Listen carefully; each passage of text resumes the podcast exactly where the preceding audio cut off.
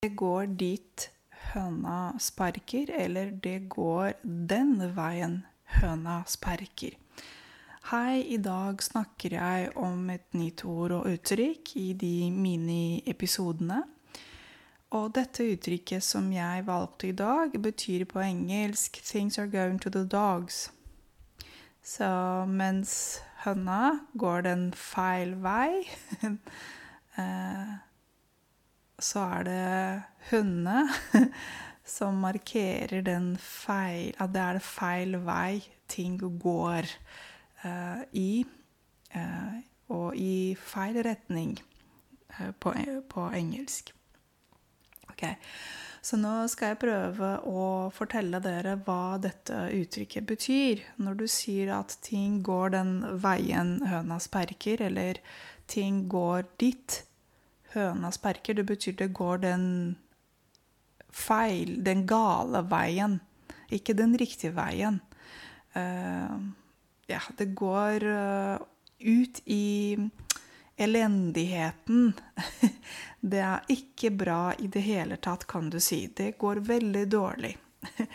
um, uh, og det kan brukes i forskjellige kontekster om forskjellige ting.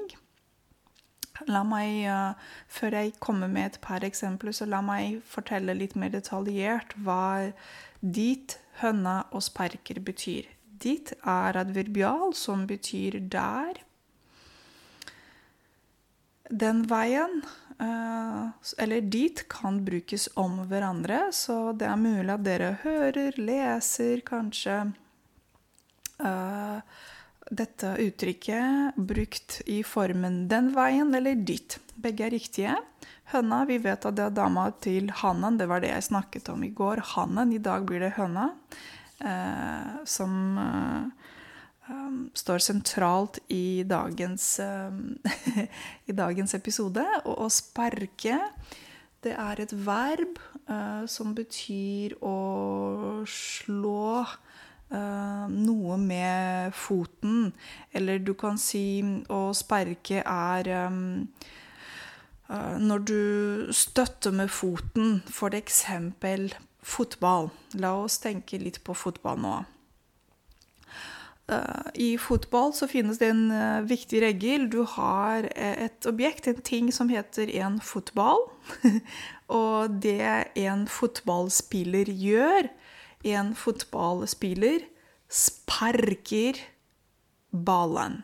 Og sparker ballen, OK? Når du spiller fotball, du sparker ballen, altså med foten din, OK? Det er det det betyr å sparke.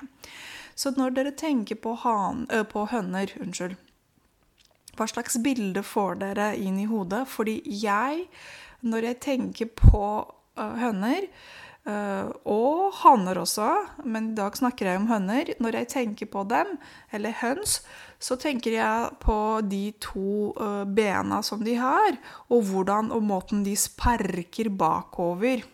Har dere sett noen uh, høns? ja. Det, det, de gjør, de sparker inn i jorda. altså De lager hull for å finne mat, for å spise vet ikke, ormer og sånne type ting. Uh, og de, spar, de, de, sparker bakover. Altså når du sier at høna at det går den veien høna sparker, det er noe negativt. Fordi høna sparker bakover, og det er noe negativt, ikke bra i, motsetning til fremover. Når det er noe som er fremover, som går fremover, så blir dette her sett som noe positivt, noe som er bra. så basert på dette uttrykket, så har vi på dette um, På denne måten uh, høns sparker, så har vi dette uttrykket på norsk. Um, det går den veien eh, høna sperker, eller det går dit høna sperker. Okay? Så jeg kan gi dere for et eksempel et klassisk eksempel. Hele denne situasjonen med covid uh, går uh, den veien høna sperker. Det betyr det går den gale veien, ikke den riktige veien. Okay? Fordi det blir vanskeligere og vanskeligere for oss med restriksjoner. Vi kan også si, apropos samme, samme eksempel med covid um, Covid har skapt store økonomiske problemer for mange av oss, og det går dit høna sparker. Det betyr bakover. Det blir dårligere og dårligere og dårligere. Ok?